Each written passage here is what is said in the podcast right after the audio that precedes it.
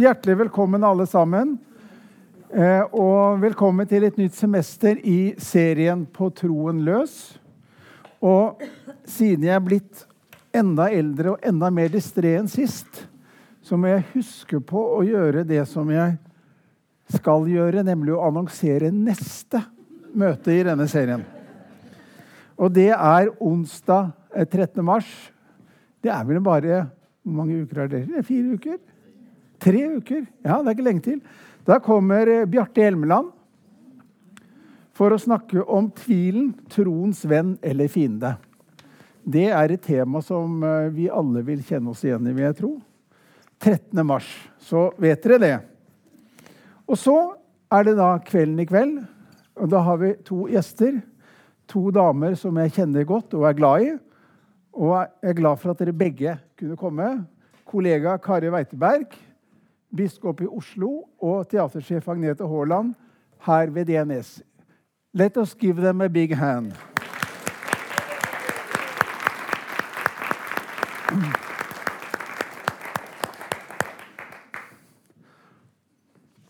Og dagens tema er altså kirke og teater. Har dere det bra? Ja. ja? Midt mellom to biskoper, så jeg føler meg veldig trygg. Ja, eh, Noen vil jo oppfatte det som en litt truende posisjon å være i. Å nei, nei, nei. nei, da. Nei, nei. Alle gode makter mottas med takk. Ja. ja, men det er fint. Og du eh, skal snart reise fra Bergen? Jeg skal være sjef ut hele 2019, da. Ja, ja. Så jeg har ikke tenkt å gi meg før jeg, før jeg, skal gi meg. Nei, ikke sant. Men du eh, reiser fra Bergen med frisk mot? Ja, jeg har vært heldig, kjempeheldig. Jeg har vært sjef da i åtte år. Og ja. da har jeg vært her i to åremålsperioder. Så da, da, har jeg mann i Oslo, så da har jeg lyst til å bo litt sammen med han. Det er jo også litt hyggelig. Det, det er sikkert hyggelig. Men du, du, det er jo ikke noen hemmelighet at du har søkt eh, sjefsstillingen ved eh, Nationaltheatret. Mm, er, det, er det et skritt opp eller et skritt ned? Riktig svar. I Bergen. For å si det sånn, Det er veldig mange gode søkere der, så vi får se. Jo, jo, jo. Men altså, om du skulle få det, var det en forfremmelse? Nei, det er på samme. Ja. Og Kari, du har vært prest i Bergen. Jeg har vært prest i Bergen. Ja? ja. Var det kjekt? Det var veldig kjekt. I Bymisjonen? Ja, og jeg har en del som jeg møtte der. Hei, Bymisjonen. Ja. Nei, altså, jeg er jo Storabu. Så de ja. Bergen var min by. Jeg vet mm. at en del fra Stord drar til Haugesund, men vi dro alltid til Bergen. Med Sunnhordland og sov på Terminus, gikk på Ervingen. Mm. Spiste boller på Reimers, Sten og Strøm. Så det er liksom noe med Det er liksom noe med Bergen. Kløverhuset. Mm. Sunt. Kløverhuset, ja. Ikke Sten og Strøm. Nei, Sten det var veldig bra. Jeg skal bare merke om dere Det var EGD, var det. Unnskyld. EGD. Ja. EGD, ja. Nei, men altså, Så da å få lov til å være gateprest her noen år, det var òg veldig, veldig kjekt. Mm. Så, så, Bergen er hjertet mitt. Ja, så bra. Mm. Um, du jobber jo i kirka og kjenner kirka godt, mm. må vi formode. Ja. ja. Men teatret? Mm. Hvilket forhold har du til teatret? Jeg har et pasjonert forhold til teateret. Jeg mm. tror faktisk jeg går like mye i teater som i kirka. da håper jeg det går ofte. Men, uh, uh, og uh, Jeg vet ikke hvor jeg har fått det ifra, men, men av, en eller måten, av en eller annen grunn så er det å klovne, altså klovnen, mm. er noe som jeg tidlig ble assosiert med. Allerede når jeg gikk på Stord. Mm. Og så begynner jeg på teologi, og uh, likte godt å gå på teater. Men da snakket òg alle om ja, teater, ja. Mm. Det er jo Brand og Ordet, og det er jo fint. Mm. Men jeg tenkte hva med det komiske? Det hadde jeg lyst til å utforske. Det er jo noe òg med dette klovnegreiene.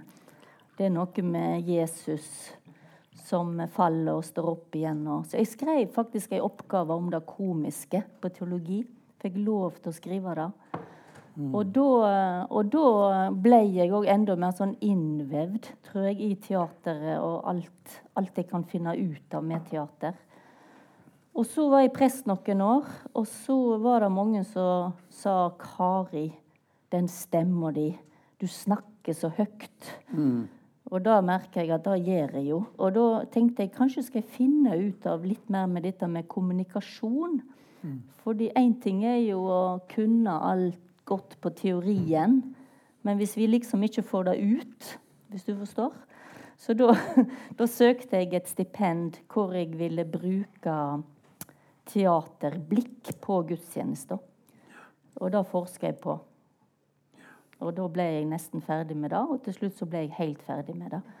Og, eh, og, eh, og, og det førte til at jeg eh, fikk òg et enda mer fordypa forhold, på sett og vis, til, til teater og, alt det da rommet. Mm. Så svaret på spørsmålet ditt er ja. Jeg har liksom vært beslekta. Og ja, mens noen går på fotball og og sånne ting, så går noen på teater. Ja. Jeg syns vi skal klappe for det. Ja. og, og alt, alt, er gildt. Mm. Men det er liksom teater jeg har gått på mye. Mm. Vi skal snakke litt mer om dette arbeidet ditt etterpå. Mm. For du er jo en pioner i, i forskningen. Eh, Takk. Kirke, grenseland, teater, eh, dramaturgi og mm. alle disse tingene. Så det vil vi høre mer om. Men Agnete, du kjenner godt til teateret. Eh, hvilket forhold har du til kirka? Jeg har nok vært for flere tungetalingsmøter enn du aner. jeg har en mamma fra Kvinesdal. Og alle Kvinesdal. Så hele min barndom så var eh, Sarons dal sommerens ja. høydepunkt. Eh, og bestemor hadde stort sett folk boende som da var i Sarons dal. Og var, vi var ganske Vi, vi snek oss jo inn, da. Det var jo utrolig teatralt. Når, de, når plutselig noen bare hev seg opp og begynte å snakke på et språk som ingen av oss hadde hørt. Og så var det enda mer spennende når det ble tolket.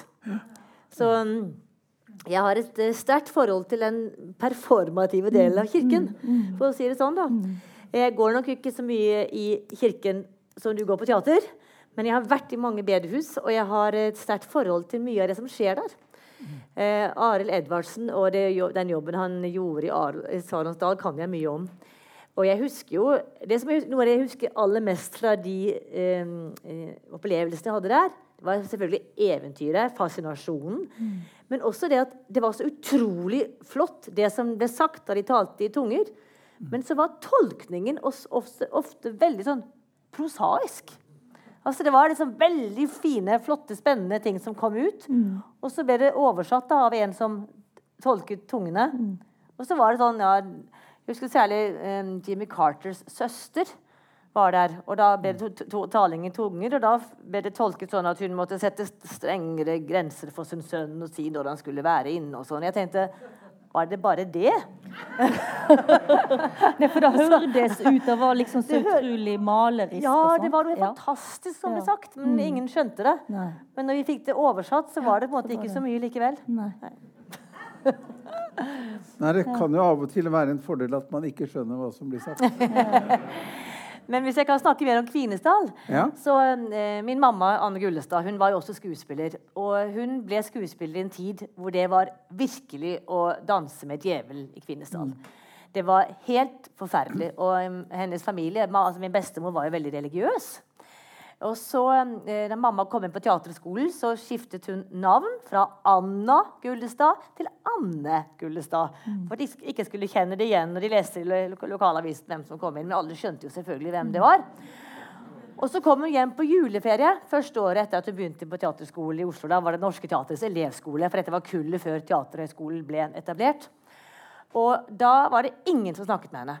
De, de skydde det som pesten på Liknes. fordi at alle visste at nå, nå er datter, nå går det gale med henne. Det, var det, det, var, det, visste alle. Men så kom sognepresten.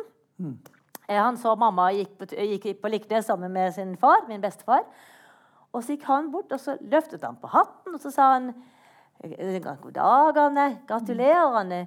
Vi forvalter begge ordet. Og det, og det, er en sånn ja. ballast som jeg har fått med meg helt fra oppveksten. Mm. At ja. både kirken og teatret forvalter mm. ordet. Og det, når sognepresten sa det, da kunne resten av bygden også mm. si at det mm. er jo litt gildt med Anne. For da var det på en måte akseptabelt at hun begynte på noe som var egentlig sett på som såpass syndig. Og, men så, bestemor var jo så søt, for det var Teater var synd, men TV var jo veldig start, stas. Så det at når naboen hadde sett noe som kanskje, kanskje mamma hadde vært med på, det var så lite, så var det kjempestas. Og Det har også noe med kunnskap om hva teater er, og hva kirke er. Hva man faktisk bedriver i et teater. Vi forvalter jo en tekst, vi forvalter jo ordet på ulike måter. Og vi har et refleksjonsrom begge steder, som er en det jeg tenker er en helt utrolig verdi som man må bare ta godt vare på. For det, det, er, ikke, det er ikke så mange steder hvor det skjer nå. Det var en fin historie med sognepresten. Altså, jeg liker sånne historier hvor, pre hvor prester er helter. Liksom. Ja. Det er jo ikke Ja, alltid. er det, det er jo òg en parentes i historien, men den sitter i mange i dag. Ja. Fordi det er ikke så lenge siden dette at teater og kirke skulle være så adskilt. Og det ene var syndens pøl, og, og det andre var ikke. Nei. I mellomalderen så var vi jo ett.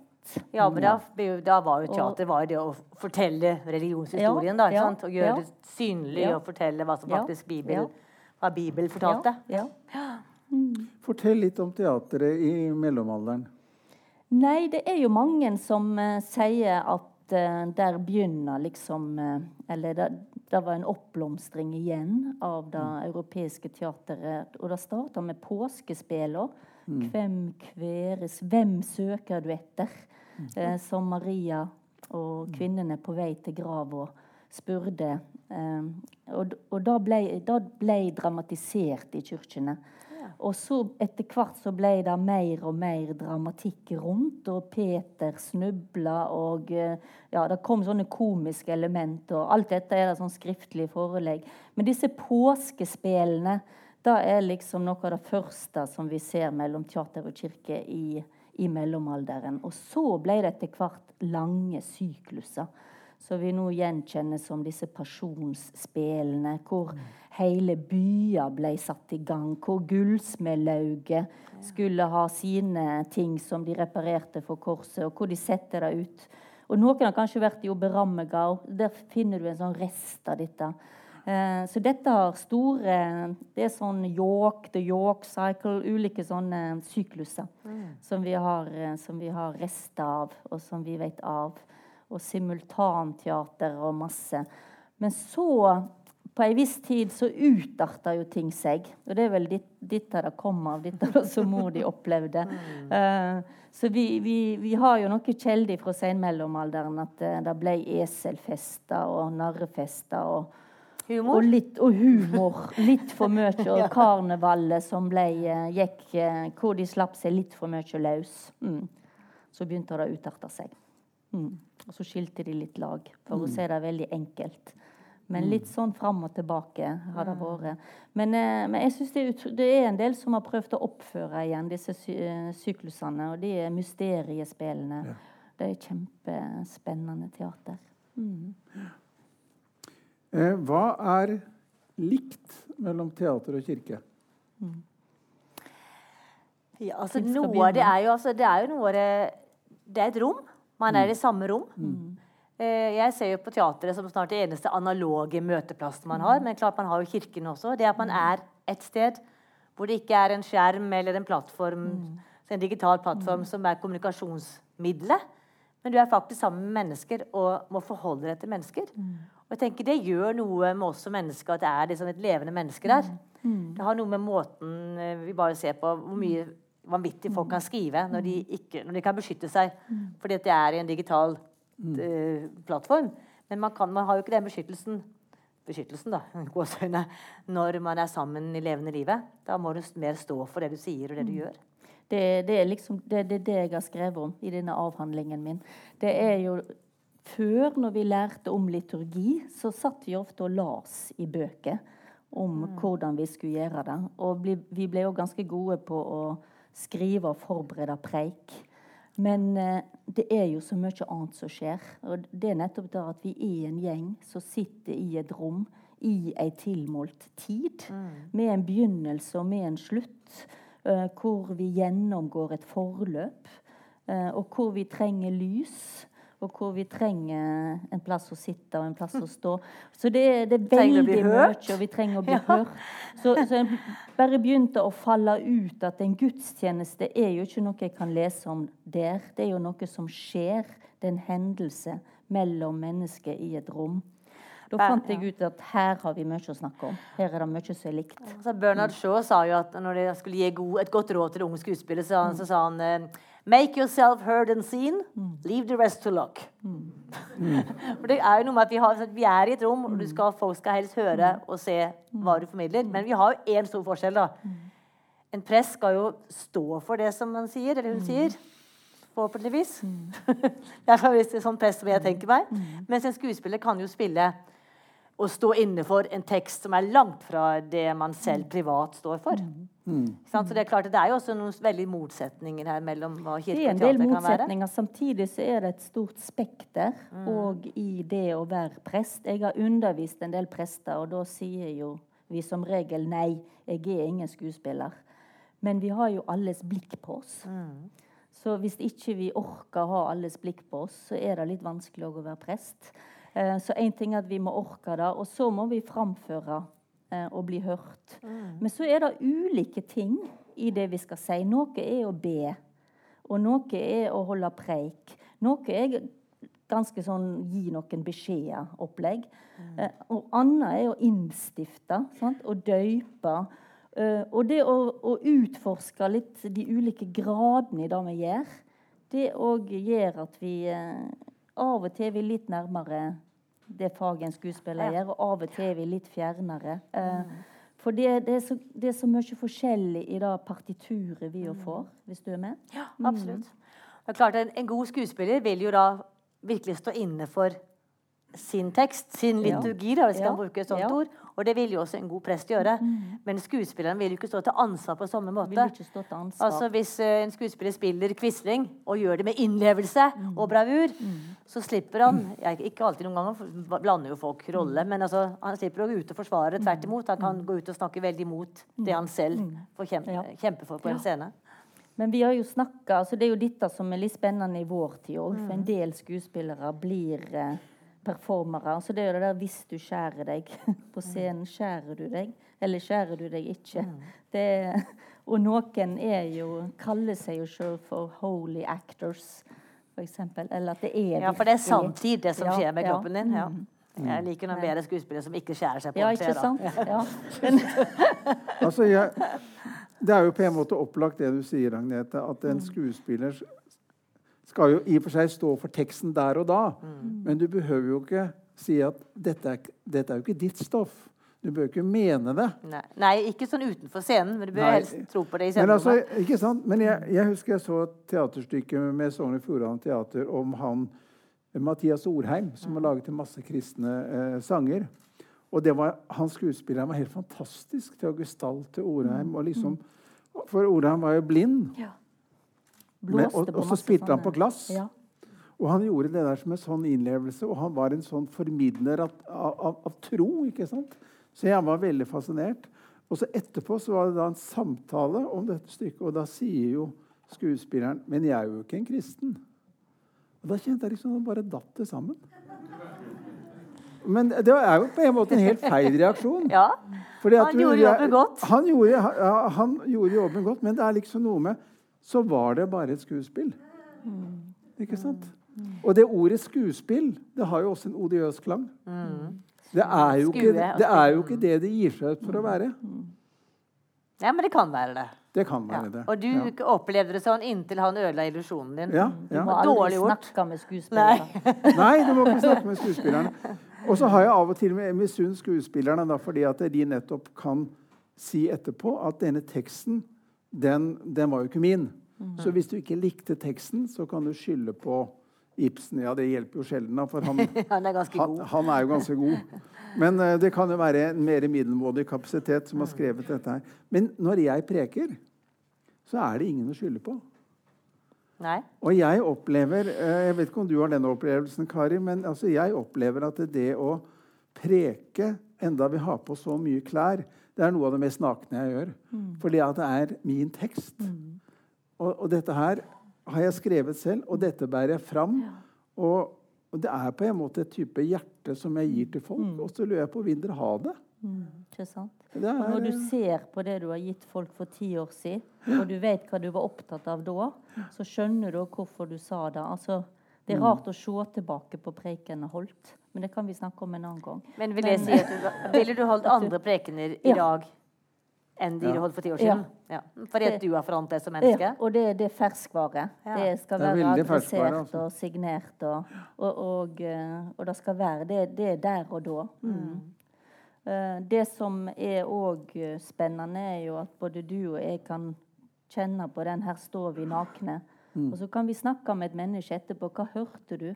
Og det kan være noe helt annet. Mm. er ikke det interessant? Ja. Så, så der, eh, altså vi, vi, står i en dialog hele tida, en formidling. Mm. Altså selv om det er en én-til-én eh, som preiko er, så kan det likevel lande i kroppen til den som hører. Og, og, og, da får jeg tilbake noe helt annet enn det jeg kanskje trodde jeg la vekt på. Disse Ilesøstrene har skrevet en bok ja. som sier på seg selv kjenner man ingen andre. Ja. Mm. Og det er jo noe med at Du hører jo ofte det du vil høre, eller ja. det du ikke vil høre. Sånn, så henger man seg opp i forskjellige ting. Sånn er det på, på skuespillere òg. At man formidler en tekst eller en rolle, situasjon, en forestilling. Så får jo publikum veldig ulike opplevelser ofte. Sant? Veldig. Men det er jo litt fint, da. Det er kjempefint. Og du merker jo da når du er på scenen òg, selv om du er i spill, om, om du har publikum der eller ikke. Det merker vel sikkert du også som prest. Jeg merker det veldig. Mm. Og det, det, er jo likhetspunktene. At det der skjer der og da. Mm. Selv om man kanskje har veldig ut, uka, mm. ulikt utgangspunkt i den mm. teksten man skal for, forvalte eller formidle. Jeg husker jeg holdt en gudstjeneste en gang på siste søndag i kirkeåret. Og det er også den store domsdagen, da. Eh, det, det handler om dommen. Mm. Og da, da, var jeg ung og, og, og litt sånn hissig. Eh, og da holdt jeg en veldig god preken om, om liksom, Skjerp dere, venn om, ikke sant? For dommen kommer, og så uh, Litt sånn svovel, da. Ja. Jeg, jeg, tok den liksom helt ut. Det er jo ikke så ofte man får lov til sånt. Um, og så kommer det en, så står jeg da etterpå ikke sant, ved døra og takker for gudstjenesten. Dette her var da jeg var prest for uh, nordmenn i utlandet. Og Så kommer det da en dame seilende med en veldig flott sånn pelskåpe. ikke sant? Og Så tar hun da hånden og så hilser hun sånn med lokk. ikke sant? Sånn. Takk, pastor, for den nydelige prekenen. Da følte jeg at det var helt feil. Skulle en, hun skulle vært rystet. Ja, ikke, sant? Hun skulle vært rystet. Ja. Hun syntes den var skjønn. Og hun syntes det var så skjønt. Mm. Men det er, liksom, ja. det er som hvis folk ser eller opplever en, en forestilling, en Ibsen-forestilling, altså du kjenner at skuespilleren liksom bare vrenger seg, og så kommer de etterpå og sier liksom å, det var godt spilt. Ja. Altså, da, måte, ja, da, snakker du bare om kvaliteten på, mm. på, det performative, ikke på innholdet i stoffet. Nei. Og det er jo innholdet. Som, det er jo likheten med at man begge forvalter ordet, eller man forvalter et innhold. Men, det, er, eh, det, er, ikke så lett å snakke om heller. Altså, sånn, altså, jeg har bodd i Trondheim en del, og der sier alltid folk at det var spesielt. Ja. Og da er det Hva mener du? Ja, var, jeg, var, var, det bra? Ja, det, ja, ja, det var spesielt. Ja. Nei, og det betyr vel at du ikke helt skjønner ting. Ja. Men, men, det, er liksom, det er ikke så lett å se, vite eller Hva skal du si, liksom? Søren, sier det er greit. Det er bare det, da. Ja. ja. Det er greit. Ja. De har lagt merke til at folk veldig ofte sier hvis de ikke eh, skjønner noe som de skjønner at de burde skjønt, ja. da sier de det var spennende. Ja, spennende, ja. Så det må, altså det, det, Den som sier det var spennende, har som regel fattet lite. da. Okay. Interessant pleier jeg å bruke det. Ja, ålreit. Interessant. Ja. Det er sånn hvis du går på kunstutstilling, mm. og, og, og, den som har laget det, er i rommet. Mm. Da er det ja, spennende, og så skjønner du ingenting. um, jeg har lyst til å spørre deg, Karis, du er jo teolog. Uh, du brukte akkurat ordet performativt. Mm. Det, du, det, er ikke sikkert alle vet hva det ordet er. Og jeg har jo da en tese om at det performative er litt annerledes i en gudstjeneste enn i en teaterforestilling. Kan du ikke si litt om det? Mm. Jo, eh, det er jo språkteori eh, som har brukt ordet performativ på at det du sier, det skjer. For det beste eksempelet er jo et bryllup mm. eh, eller en dåp.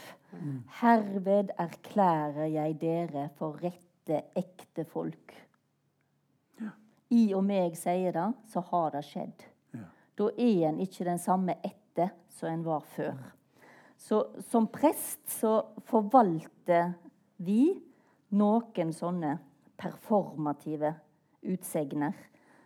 Hvor, vi, altså, hvor det skjer, det vi sier. Mm. Og De som har forska på det, de sier at det her er det veldig masse som kan gå galt. Eh, men da, da vi, skal vi heller ikke snakke om nå. Nei, altså, ikke jeg er gift, liksom?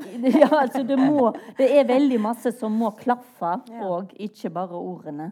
Eh, for at det skal skje. Altså, du, du, må si de rette navnene, f.eks. Mm. Ja. Mm. Og du må være, på, du må være i samme rom. Og, ja, så det er veldig masse å finne ut eh, hva er det i, i, konteksten som ikke er der for at det ikke skjer.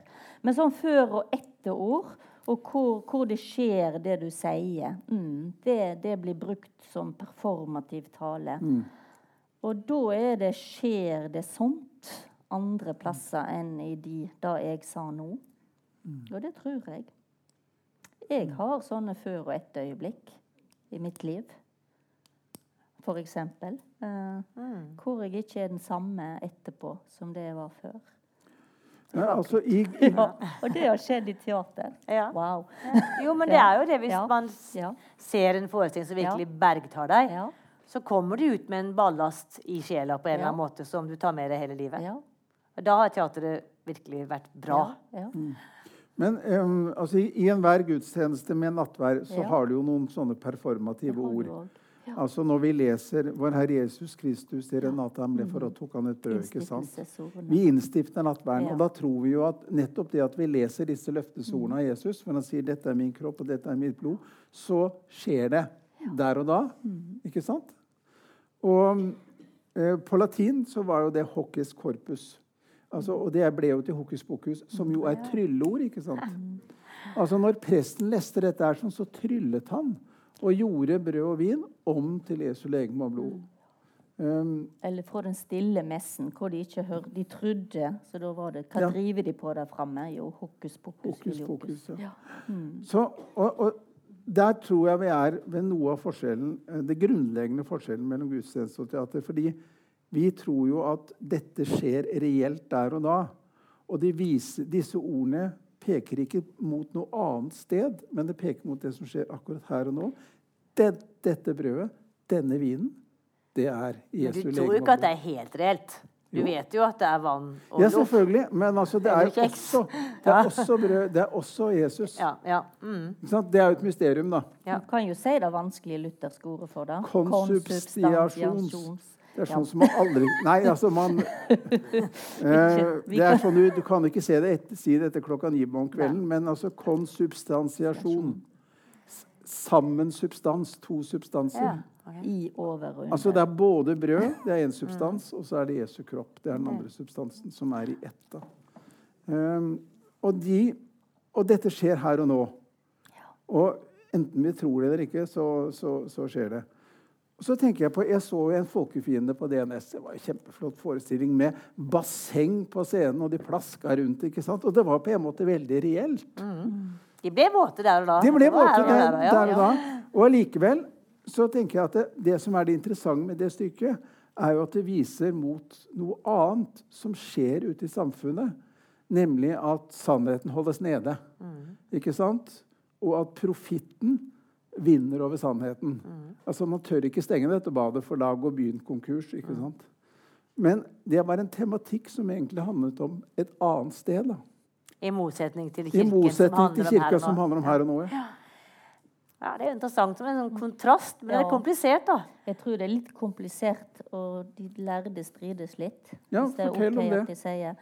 Nei, altså det, det, Før har jo ofte kun, et kunstsyn har vært at det, eh, det viser til noe bak. Det mm. viser til mm. noe annet. Og mm. sånn var det òg når vi snakket om ritualene. Men så har vi begynt å si at vi er nødt å gjøre det.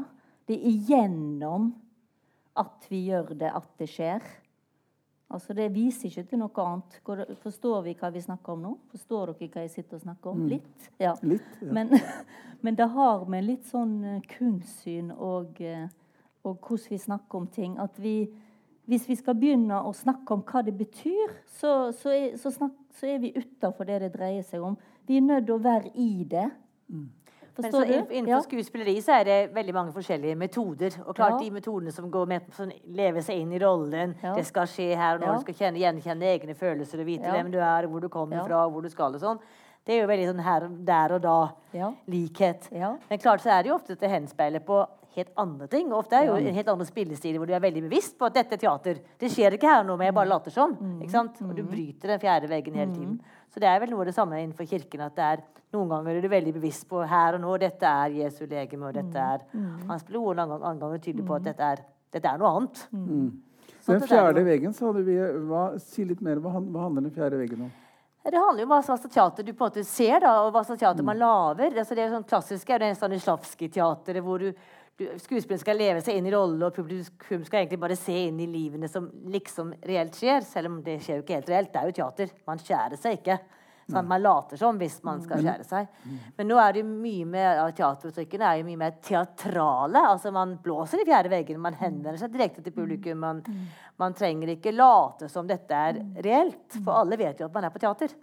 Så da kan man jo gjøre veldig um, surrealistiske eller store altså Helt andre typer bevegelser, innlevelser, posisjoner enn det man gjør hvis man skal, skal være Nå drikker jeg et glass. Eller kan man leke med hele måten å tenke bevegelse på? Det var, derfor, det var dette jeg skrev om når jeg studerte teatervitenskap.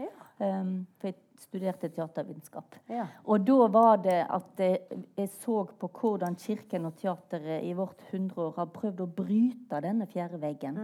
Og der har vi vært litt på samme uh, Vi har prøvd det samme. Å prøve å involvere og ikke lage dette her at dere sitter og ser på oss. Ja, for da skal menigheten Og så- opp og være med. ja. Og, Og da var det en del som skrev jo, kirken ligner på teater, men det ligner på tredje verden, tredje verden ja, tre, fjerde vegg-teateret. Vi sitter og ser på noe som skjer der framme. Så hvordan skal vi prøve oss å bryte den fjerde veggen? ble et spørsmål for en del i kirka. Og det var et spørsmål òg for teateret. Og da begynte de med Augusto Boal og Krotowski og, ja, og alle disse. Hvor det er oss her nå. Det er ikke et skille mellom oss, det er oss. Og hvordan skal vi lage skal du bryter alle grensene i rommet. Og hvem, ja. hvor sitter og hvem er publikum, og hvem er hvem, Og det er ganske artig. Liker du det? Ja, så det jeg liker Ja. alt som er bra. Ja, men Ja. det, det, som, som innenfor alle kunstarter så er det noen performative forestillinger som er ganske strevsomme å være på, andre er fantastiske. Nei, for jeg, opp, jeg syns ofte det er kjekkere å være på litt mindre teaterlokale enn på de store. Og da tror jeg kommer litt ut av hvordan jeg er skrudd sammen. kommer nærmere, Og? Ja, Ja. vi får liksom dette fellesskapet, og det skjer noe der. Og, ja. Jeg syns det er alt som regel veldig spennende teater. Så bra. Ja. Komme på Lillescenen, da, Teaterkjelleren. Vi Ja. har noen veldig gode Ja, jeg skal der gjøre det. Mm. Derfor liker jeg meg kanskje godt på bedehus, da. Ja. Selv om jeg ikke har vært så mye på bedehus. Men på de små rommene. Mm. I Bymisjonen er det ofte ganske små rom. Mm. Ja, men det er tett rom, Vi sitter i en sånn sirkel og tenner lys. Det er veldig fint. Ja. Ja. Mm. ja. Tilbake til Halvor. Men em, nå, er jeg, nå skal jo jeg liksom representere den, den alminnelige mann da, i dette tilfellet. Og dere er jo Hva er vi da? De ualminnelige kvinnene? ja. Ja. Dere er jo de som har greie på dette med teater, begge to. Um, men altså, jeg har jo en gang hørt at noe av det som var liksom det eh, originale eller geniale med Bertolt Brecht, det var at han, han liksom ville veldig tydeliggjøre at dette var en illusjon. Hele veien. Hele tiden bryte. Bryte fjerde veggen. Så Mm. Ja. Begynne å synge, snakke til publikum. Oi, nei, begynner du å leve deg inn i noe. Ops, nei, det var visst ikke noe. Nei, det kom det en sang, da? Dette er jo ikke hjemme i stuen hos dem. Ikke sant? Altså, da bryter du det hele tiden. Ja. Men hva var Han hadde vel en eller annen, et eller annet ideologisk poeng bak dette? her, Et politisk poeng? Han var jo marxist, ikke sant? Mm, ja, det er vel Borgerskapet skal leve seg inn i og lide med skjebnene, men han var opptatt av å bruke teatret politisk. Han ville jo lage revolusjon, han ville jo vek vekke massene. Han hadde en klar agenda. En klar agenda, akkurat som en prest. Klar agenda, ikke sant? Men han hans agenda var litt annerledes, da. Han ville jo da vekke alle til å ta parti. Men var ikke noe av det første du satte opp, var ikke det Bertolt Brecht? Jo, da jeg sjef her så, på DNS. Ja, Ja. Det var, da gjorde Marit Maune en helt fantastisk forestilling av Mot Courage. Var det noen her som så Ja. den? Å ja.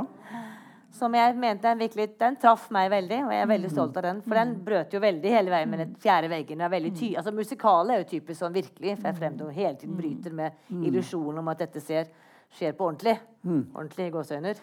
Man synger vanligvis ikke på badet, liksom. Altså Det er noe med hele den pakken der at du bryter hele tiden med illusjonen om at dette er sant. Men det du får gjort, det er jo å undersøke kan et menneske være bare god. Mm. Altså, og det er jo mor courage. Altså det der å bare ha en hel time eller to eller tre Mm. og, og få undersøke det, da får du gjort med teater.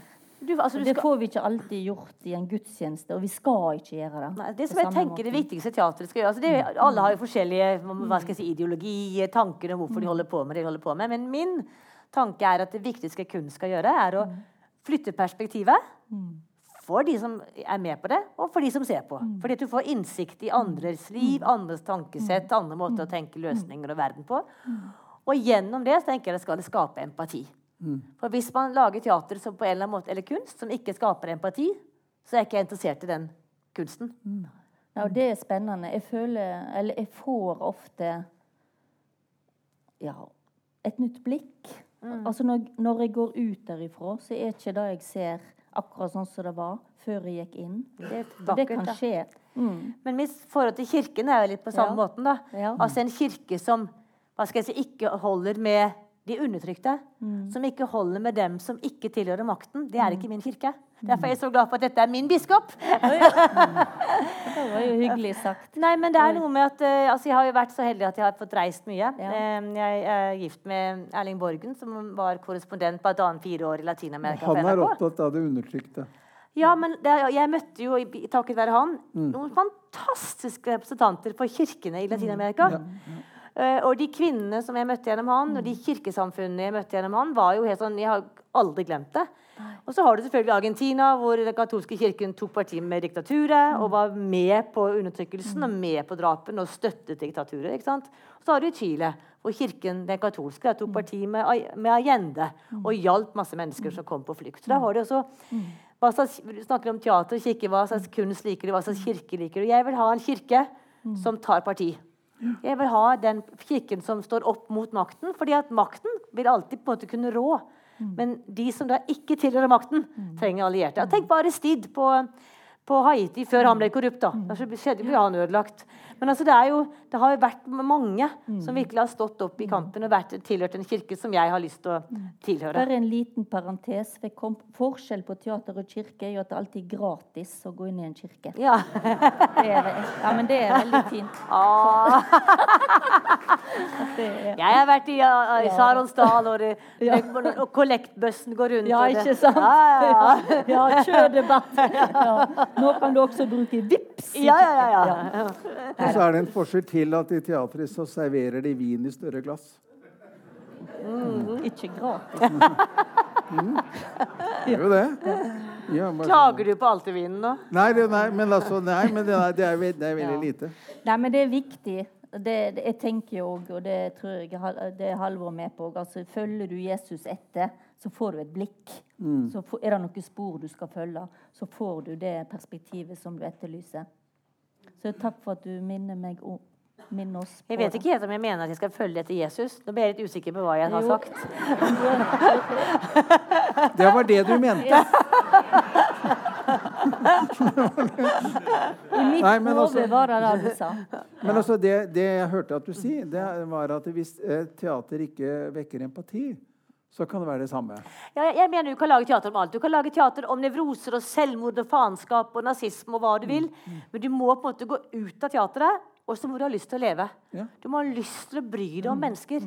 Hvis ikke så mener jeg teateret er eh, Det er ikke mitt teater. Det tenker jeg høres ut som en veldig kristen tanke. Ja, da, det at, er eh, jo vingren. Altså, Kirken skal skjenke mennesker livsmot i verden.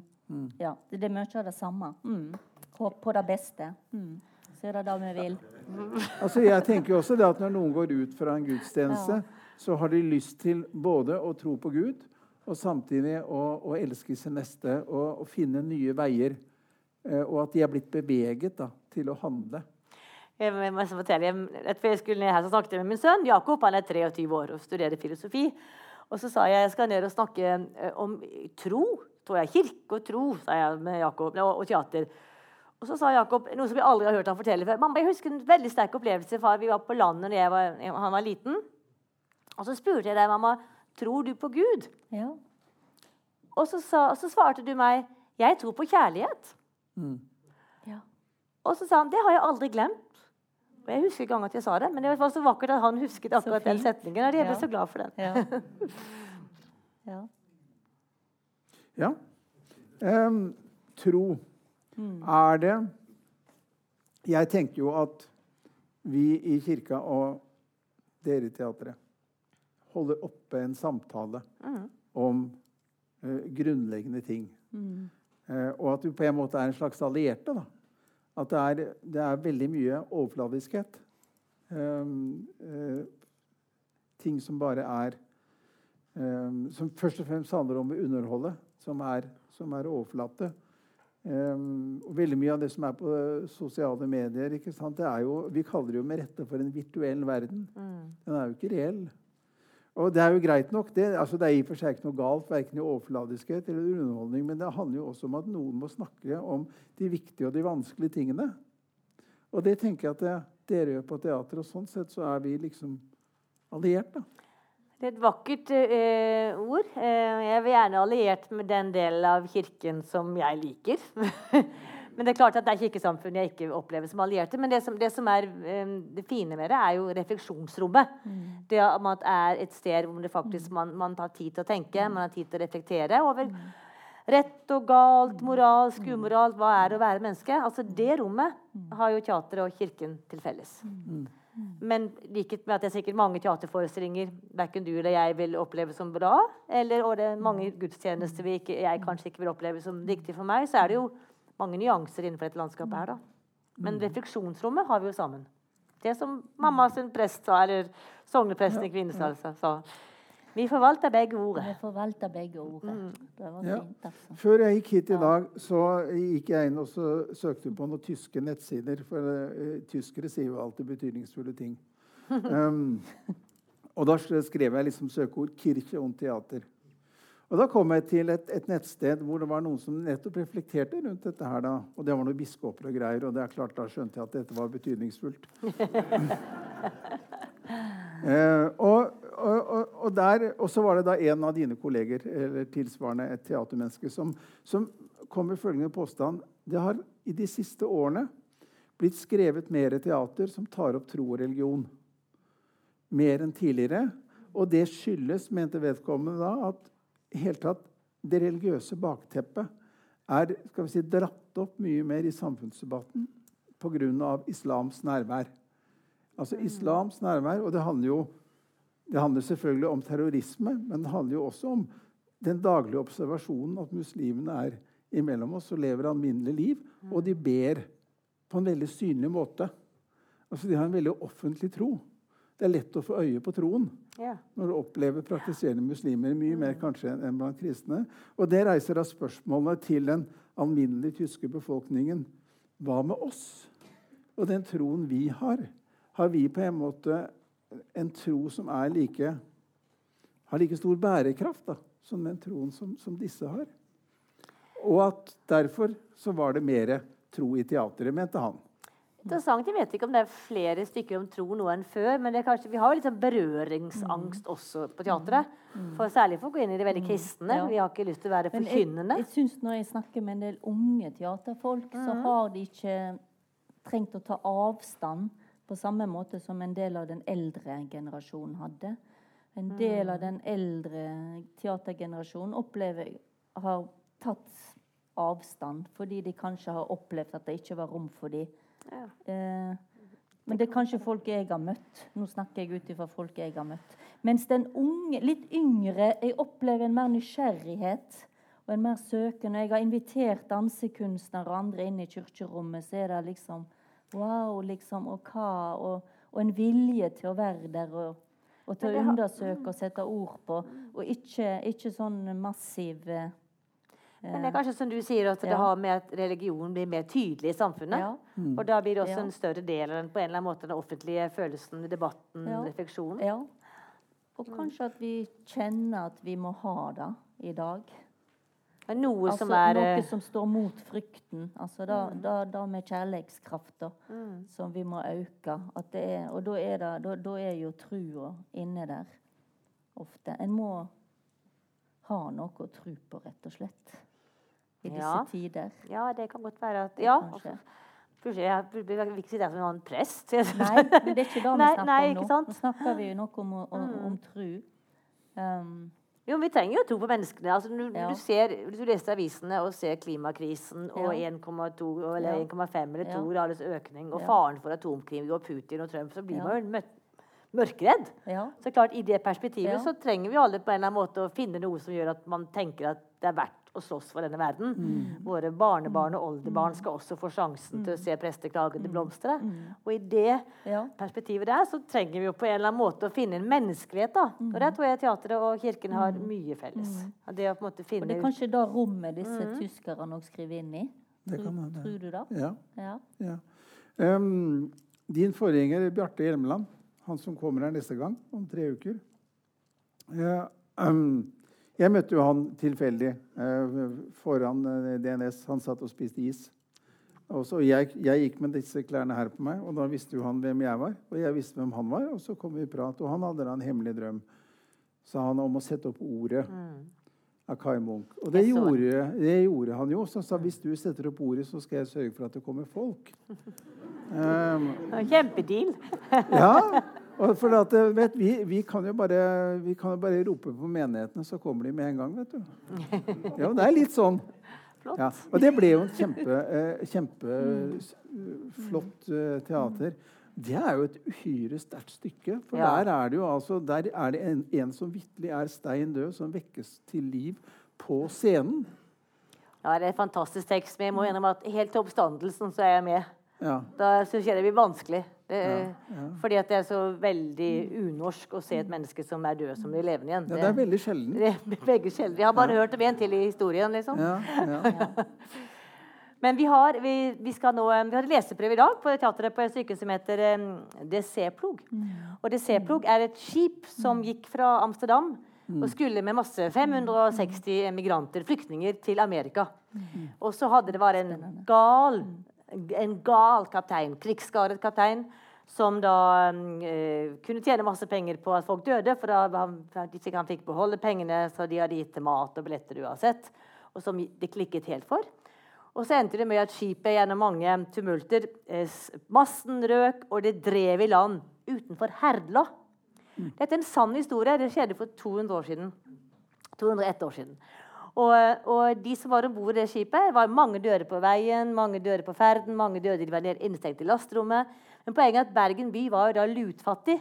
Her var det altså, mange, bodde, 18 000 mennesker som bodde her. Fattigkassen var tom. Men det var jo masse foreldreløse barn om bord i det skipet, for foreldrene hadde dødd på reisen. Og så kom de her til byen, da.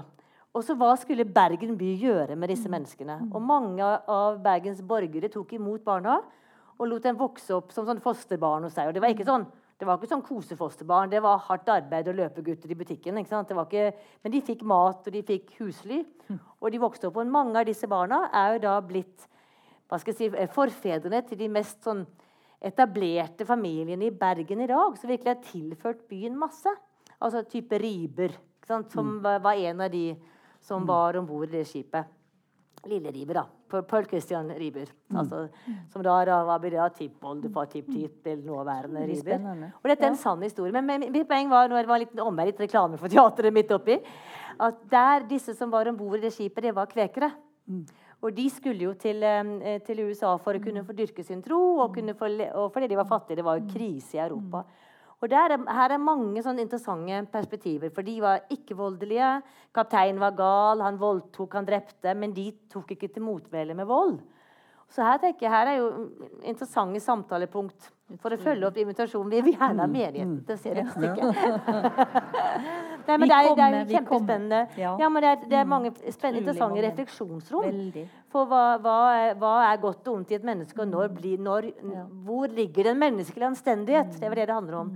Og hva slags anstendighet var det i Bergen da etter alle disse skipbruddene kom hit? Og hvordan forholdt man seg til denne aldeles gale kapteinen, som faktisk Han ble jo frikjent for mord, enda det var vitner som kunne bekrefte at han hadde drept. Så det er, det er et spennende stykke man kunne samarbeidet om. Ja, altså, Du sier samarbeid. altså En form for samarbeid kan jo være at man etter en sånn forestilling har en type samtale. Mm, ikke sant? gjerne. Ja. Skal vi gjøre det? ja, Avtale. Ja, det gjør vi. Ja. Det, det er jo veldig spennende, for å bruke dette ordet. da. Interessant. Ja. Det er interessant. Ja. Ja. Spesielt. Når, er det, når er det du setter opp dette stykket, da? Det er premiere to dager før påskeferien, så det er i april. Og så skal det gå til sommeren og litt igjen til høsten. Og det er kjempesvær oppsetning. Stig Amdam som har skrevet manus. Det er altså Nå ser jeg at en av de som er med, sitter i salen. Hvor mange er det som er med? Vi er fryktelig mange. Vi er 18 skuespillere, 14 barn, 20 skuespillere, en musiker. Altså det er Mm, for det, altså, Riber, eh, gutten, den lille gutten, han hadde jo da syv De var syv søsken i den familien. Både, og faren ble jo drept på båten. Eh, det er mange, forferdelige historier her. Og alle søsknene hans omkom jo også, eller døde. Så det var sånn Jeg unnskylder lyet. Han, han, men vi, vi måtte ta livet av noen. Vi, kan, for vi skal ha mange mindreårige barn med i forestillingen. Det er ganske vanskelig. Vi må søke Arbeidstilsynet, for det er jo barnearbeid. Og de aller minste de var jo fire og fem år. Vi kan ikke ha fire og femåringer oppe Nei. til klokka elleve om kvelden. Nei. Så han, han får bare fem søsken i denne historien. da. Han, opprinnelig så var det syv. Ja. Jeg driver og ser Medea. Jeg har sett det to ganger nå. oh, ja. siste. Der òg er det jo to barn. Men det òg er jo litt samme Mm. Altså eh, Forrige gang jeg så det, så var det Thea Stabel som satt opp, og hun gikk på, på kvinnefengselet og intervjua kvinner som har drept barna sine. Hva er det? Men altså, det er noe med å gå inn, og det er jo noe Gå inn i den eh, tematikken. Mm. Ja, og er ikke ondskapen. altså, bare bare. Nei. Nei? Og eh, altså, hva er det som, er det som Ja. driver mennesket til å gjøre det de gjør i ekstreme situasjoner? Hva velger du? Velger du å voldta og drepe, eller velger du å faktisk stå opp for en annen linje? Og hvem overlever? Her blir Kapteinen fikk jo en Måtte betale noen bøter, men han ble jo frikjent for eh, både voldtekten med vitner og mord som han virkelig sto for. Så, mm, Ja. men han overlevde, motsetning til veldig mange andre. Ja. Men dette er jo et stykke Kvekar-historie, og det er utrolig viktig. Det er viktig og utfordrende, for vi må jo Ja. lage det teatralt. Og kvekerne Ja. sang visst ikke sanger, men vi må jo ha salmer inn rett for å lage teater av det. Så vi må ta oss noen kunstneriske friheter. Um, Noen ganger så har kirka på en måte rykket inn i teatret. Eh, så den, den forestillingen, ordet er vel kanskje noe sånt. Mm. Som man må si uh, Det er skrevet av en prest. Det er en veldig forkynnende forestilling. Um, Svein Tindberg tok den jo helt ut. Og satte opp eh, først Markusevangeliet, og senere apostlenes gjerninger. Eh, og der var jo altså, og det Markusevangeliet er det mest interessante, fordi det var jo teksten usensurert og ubarbert. Rett og slett sånn som den sto. Eh, og du så det kanskje? Ja. Hva tenker du om Jeg var stor, storartet. Altså, Svein Tillberg er jo en fantastisk formidler og en strålende skuespiller. Han fortalte meg at etter at dette ble en sånn stor suksess i Norge, så fikk han en henvendelse fra Sverige, for de ville gjerne er lese jo- manus. ja. Ja. Hvor, hvor er manus? Ja. Ja. Dette er jo det morsomste vi vet. Historie om dumme svensker. Og da sa han manus, ja, det er Det er Markus. evangeliet Markusevangeliet. Så var nei. Men det var i hvert fall stor suksess på teatret. Ja. Og etter det så har det jo gått flere Ja. Bibelen-oppsettinger, bl.a. i Gøteborg, men òg i Oslo. Mm. Så Det er jo, Bibelen er jo en fantastisk epos. Ja. Altså, der har du virkelig det eh, onde og det gode mot hverandre hele veien. Veldig spennende Mm. gestalter. Så det er et eksempel på at kirka rykker inn i teatret. Og så er det vel kanskje da noen ganger at teatret også kommer inn i kirka. Jeg så jo akkurat uh, I høst var det vel Babettes gjestebud. Ja, med Ragnhild Gudbrandsen. Det var jo veldig flott. Ja. Eh, kunne vi ikke eh, Så skal jeg si litt på spissen. Kan ethvert stykke Agnete spilles i en kirke? Jeg mener ja til det, men Mm. igjen, da har jeg litt menneskesyn til grunn. Det må på en eller annen måte være livsoppbyggelig. Sånn, Nå går jo den der. Virginia Woolf, ikke sant? Ja. Det er ikke veldig oppbyggelig. Ja Det er jo interessant Det er å se hvilket valg folk tar. Du kan jo velge å ta noen andre valg selv. Ja, ikke sant? Ja, ikke sant? Ja. Men det er jo et heftig nachspiel, er det ikke Det er et heftig nachspiel. og Sånn sett er kirkerommet litt rart for det stykket. Ja, kanskje for litt, det, ja. Men i prinsippet kunne man godt spilt det i eh, en kirke. Hva ville det gjort med det stykket hvis det hadde blitt spilt i et sakralt rom? Nei, det er klart at det sakrale rommet gir jo en helt annen ramme. Så jeg ville nok valgt et annet stykke enn det hvis man skulle spilt i en kirke. Men i forhold til om det er mulig, ja, klart det er mulig. Selv har jeg spilt masse i kirker. Jeg laget bl.a. en monolog sammen med en gruppe som heter Frifot, om eh, Chiles mest eh, torturerte kvinne. Som vi spilte på kirketurné over hele landet. Og klart at, for det er jo tematikk som man kan reflektere mer rundt. og mye rundt. Kirken er jo nydelig lokaler, hvis man skal bruke sånt ord. da. Det er Men det er jo- utrolig eh, spennende dialoger, men de har jo òg litt sånn historisk eh, interessant ved seg. Jeg var nettopp på, på hva hva er det, 30 år etter at 'Missa Vigilata' av Egil Hovland ble framført som en eh, danseforestilling i Torshov kirke. Og da var det tre minutter med to kvinner i trikot som da vakte tre måneders avisdebatt i Vårt Land i etterkant. Og det var, altså, det var en ballett i, i en Egil Hovland-forestilling. Men det var Og nå var det vel 30 år etter, eller noe sånt. Så det, det har vært litt forskjellig opp gjennom tiden. Og Erik Hillestad har jo hatt en del eh, foredrag òg om hvordan den 'Dans med oss Gud' ble mottatt. i... Eh, så det, det er ikke Det viser seg at det er ikke helt sånn Det har oppstått en del samtaler i kjølvannet av dette, og det er òg veldig spennende. Og vi er stadig i samtaler om kan, eh, skal det være julekonserter i kirkerom? Altså, skal, skal noe dekkes til og ikke? Og eh, jeg tenker at, eh, at det er ikke Jeg tenker vi må snakke om det. Altså Rent Fra sånn teaterperspektiv så er jo kirkene litt vanskelig å snakke i, for det er så mye etterklang. Ja. Så det er også sånn praktisk ting. Og så er de symbollada. Ja, veldig de symbolladet. Mm. Men det, ikke sant, skal du ha et stykke med mye replikker Du valgte frem 'Hvem er redd for Virginia Woolf'. Så er det noe med at da er det noe med det, du skal jo helst høre hva som blir sagt på en scene. Og klart I den type eh, dialoger så kan det være vanskelig å spille det i en kirke. Men ellers så er kirkene fantastiske rom. Så nå, vi håper jo nå snart skal bygge på Nasjonale Scene. Vi venter jo på at regjeringen skal si hva som blir endelig hva, hvordan vi skal få et hensiktsmessig hus. Så kanskje vi kan samarbeide litt og låne noen kirker i byggeperioden hvis vi trenger litt scener utenfor, utenfor teatret. Altså Bymisjonen satte jo opp dette her, hva var det det het igjen, i, i Korskirken. La Boheme. Det var jo veldig fint. Den type ting kan man gjøre. Men For det jeg tenker, musikken, for musikken har jo altså. Det er så fine klang, Ja. det er jo fin klang for musikk i kirkene. De har jo laget mer for ettertanke og musikk og det å ha lange vokaler enn den type dialog, hvis man skal tenke det sånn praktisk, hvordan du skal bli Men hørt det jeg òg har lært av kollegaer av deg, er jo nettopp òg forskjellen på rom. Som jeg har brukt en del òg når jeg har undervist prester. Altså det å gestalte å gjøre en gudstjeneste i domkirka og det å gjøre det i et lite kapell, det er jo to helt forskjellige ting. Og dette har dere veldig god kunnskap om. Uh, og nettopp det å altså tilpasse oss i de ulike rommene. Uh, og det, det, det, det har jeg lært masse av. Og det, der ligger, og, det, og det er der dere er gode òg, når dere kommer i et rom. Det er jo òg å ta hele rommet i bruk, f.eks. Og hva gjør en? Mm. Og så er det noe med virkemidler. Du bruker Ja. mye mindre stemme og mer, eh, altså, eller mindre stemme Ja. og energi på lille scene enn Ja. på hovedscenen, for Ja. der skal du jo rekke helt bak Ja, til benk. ja. men du, um, enten du nå blir teatersjef på Nationaltheatret eller noe annet Du skal jo sikkert fortsette med teater igjen. Ja, ja, alltid. Det er det. Alltid teater. Ja. Eh, Jeg har jo da liksom en, eh, en utfordring som jeg har lyst til å gi til deg. da, og Det er å sette opp brann i en kirke. For det er jo et, et stykke hvor et menneske er i kamp med Gud. Og det er, det er- er en fantastisk slutt. ikke sant? Dette raset som går, ikke sant? og alt går om kull.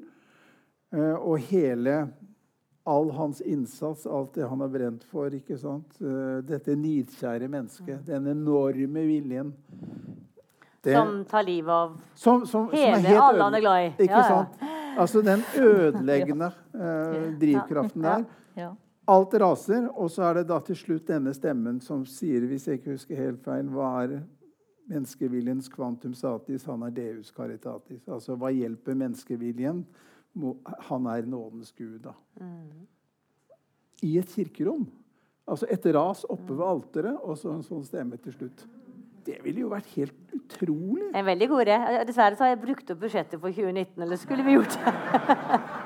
Ja. Ellers hadde det vært gøy. Ja, men du kan jo Ja. gjøre det i, eh, i, i dom... Altså, du får sikkert lov av biskopen til å bruke domkirken, Ja, for eksempel. ikke sant? Ja. Nei, men det er klart at det er jo også et veldig sånn refleksjonsstykke. Mm. Men jeg syns jo Brann er helt forferdelig selv, da. Fordi han er jo den mest kompromissløse prest i verdenshistorien. Ja. Sånn som, eller, han er, Ja. Det fins ikke mange av hans Ja. kaliber, men han er jo helt grusom. er Agnes og sønnen og gutten. Altså Ja. alt, alt det som jeg tenker på som det beste ved kirken, nemlig humanismen. Mm. Det å ta vare på menneskene, det å bry seg, det å stå der med hjertet i hånden og Mm. ta vare på de som trenger det. Det har jo han mistet. Eller aldri hatt. Det er jo ikke det. Han er så aleine. Ja, han er veldig ensom. Ja. Altså, Første gang jeg, jeg, jeg så Brann, så tenkte jeg det er jo bare sitater.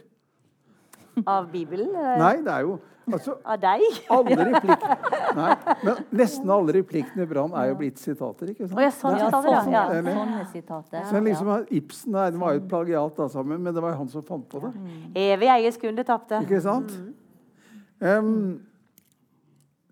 det er jo ett teaterstykke som, som er i en særstilling i, i, i norsk teaterhistorie når det gjelder forholdet mellom skal vi si, kristen tro og, og teatret, og det er 'Guds grønne enger'. Ja. Um, som jo vel ble skrevet av Øverland.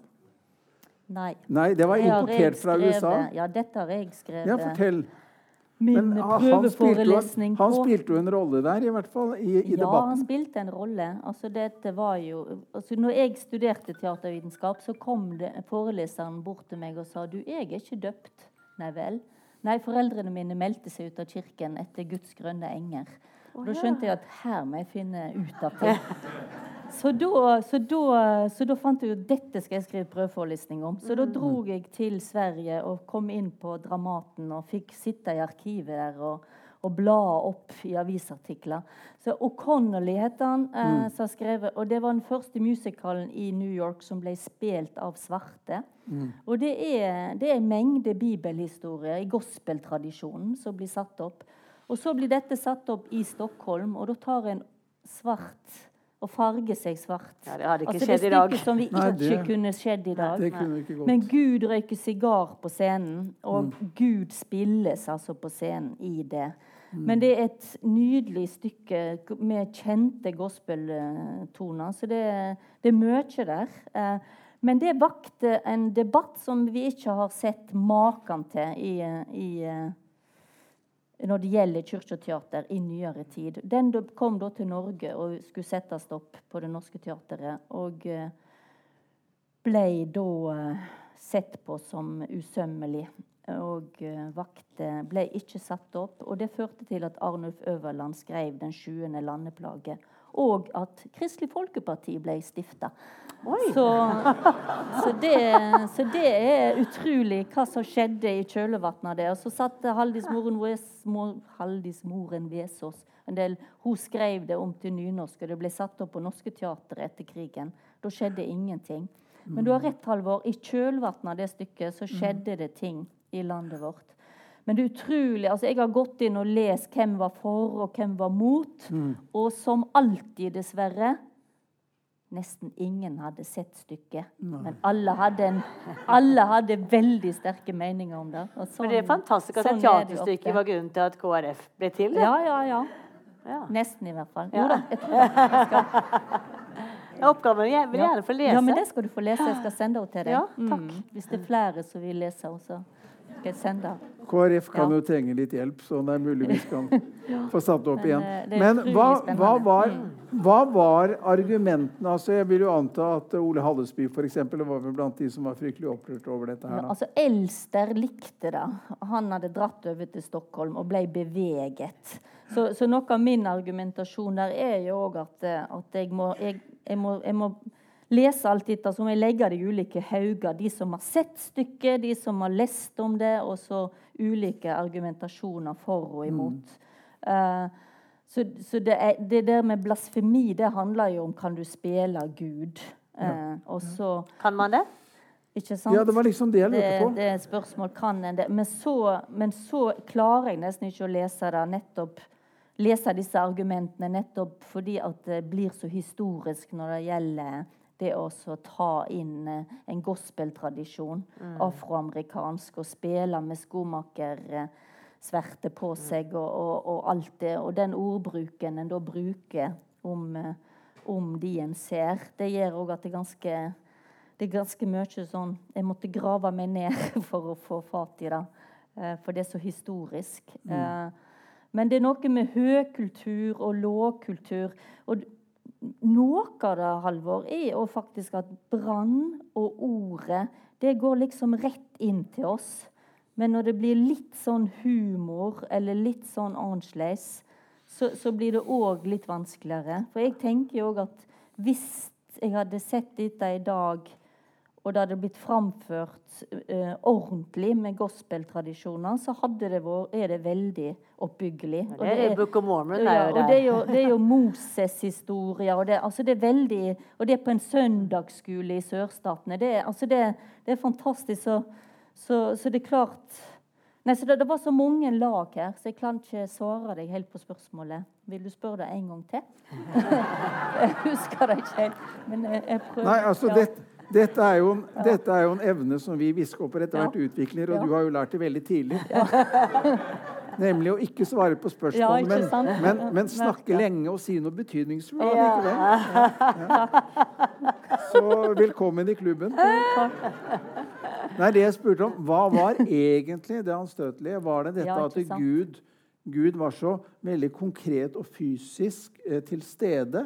Så å si i egen person. Mm. At man opplevde at dette ble rett og slett feil. Mm. Var det det? Det kunne jeg i og for seg tenke meg at det ja, var, ganske, var, ganske, heftig. Ja, det var nok det at Gud røkte sigar på scenen. Ja, Det, ja. det ville ikke jeg sett på som Nei. så galt. Altså, det, det, husker Nei. jeg sto som sitat, men så var det nettopp det at det de som snakket mm. høyest om det, hadde jo da ikke sett ikke det, men de hadde hørt at ja, så det, det, det, det, er et forrykende godt spørsmål du stiller. Som, som, altså, det går en film på Netflix uh, som man kan gå hjem og se hvis vil, som heter The Shack, altså Skjulet. Uh, som er bygget på en bok om en mann som da opplevde en forferdelig tragedie. Uh, mister et barn og, i en ulykke. Og, og har, et, har, en rasende krig gående med Gud. Da. Hvordan kan sånt skje? Og så får han da en sånn type opplevelse av at han, eh, han får et brev fra en ukjent avsender, og det er selvfølgelig Gud da, som har lagt brevet i postkassen, for det er ikke noe spor i snøen. så det er liksom mm. Gud som har vært der, Om at han skal møte opp da med dette skjulet. Og der er da den treende Gud in persona. Faderen, Spilt av et menneske? Ja, tre mennesker. Tre mennesker. Okay. Eh, ånden er en ung dame. Eh, Jesus er da en, en snekker, naturlig nok. Eh, med, med, litt mørkt krøllet hår og skjegg. Og Jesus er da en farget dame Nei, Gud, Faderen, er en farget dame. Som da uh, Disse tre går da i en samtale med denne mannen for at han skal ja, at de, skal forstå, eller han skal forstå at dette er en tragedie. Men det betyr ikke at verken du eller verden er oppgitt av Gud. Ja, er det fint? Nei, det er det jeg lurer på. Ja. Så det, det, kan, det, kan, jo da være en type hjemmelekse for folk. Hvis, hvis, de vil se Gud så å si in persona, så heter altså stykket The Shack eh, og ligger på Netflix og er Jeg opplevde vel som i overkant eh, amerikansk, da. Ja. Og litt sentimentalt. Ja. Men jeg kjente at nettopp dette veldig konkrete nærværet er på en måte utrolig fascinerende. Mm. Og samtidig kanskje litt platt. Ja. Jeg liker at ånden er ung kvinne, og at Gud er svart kvinne. Ja, det synes jeg er ja. fint. Men det blir sånn som Dagbladet, som egentlig er mot prester, men for kvinnelige prester. Ja, det er nemlig sånn. Det blir litt sånn. Ja. Hmm. Um, nå uh, åpner vi for uh, dere som sitter her. Uh, vi, vi, holder på til halv ni. Det er eh, kjøreplanen. Nå har vi snakket sammen. Nå trekker vi dere inn i samtalen. Nå tar vi vekk den fjerde veggen. var det ikke det vi gjorde? Absolutt. Så nå er dere en del av, eh, av, eh, av, spillet her foran. Og da er det bare å signalisere med hånden hvis dere har lyst til å si noe. Og dere kan da stille et spørsmål eh, hvis noen har sagt noe som dere er uenig i, eller dere syns var dumt, eller ikke skjønte. Så kan dere si det. Eller hvis dere bare rett og slett har lyst til å komme en ytring til temaet kirke og teater, så er mikrofonen nå på vandring. Og øh, noen griper det allerede. Vær så god. Ja, nei, jeg syns det er veldig interessant det med politiske arbeid. Du er litt inne på det her. Eh, jeg ser det stikker opp et med aktuell eh, politisk agenda som fylkesmiddelvis Norske Teater, satt opp med Oslo. Det er snakk om undertrykkelse av de svake samfunnet. Hvordan kan, kan det gjøres noe mer på den fronten med Kirka som aktør og med teateret som motor. Spør du meg om det? Om, uh... altså, jeg, jeg, håper det. Det er jo derfor vi holder på. er det ikke det? At vi har lyst til å gjøre noe mer. At vi har lyst til det skal få en betydning. Mm. At det skal føre til en Altså, Jeg tar store ord i min munn, men jeg tror egentlig at alle Det vi jobber med, er at vi ønsker å skape en bedre verden. Mm. Og eneste mm. måte å skape en bedre verden på, det handler om relasjoner og dialog. Mm. Det er jeg et hellig overbevist om. Mm.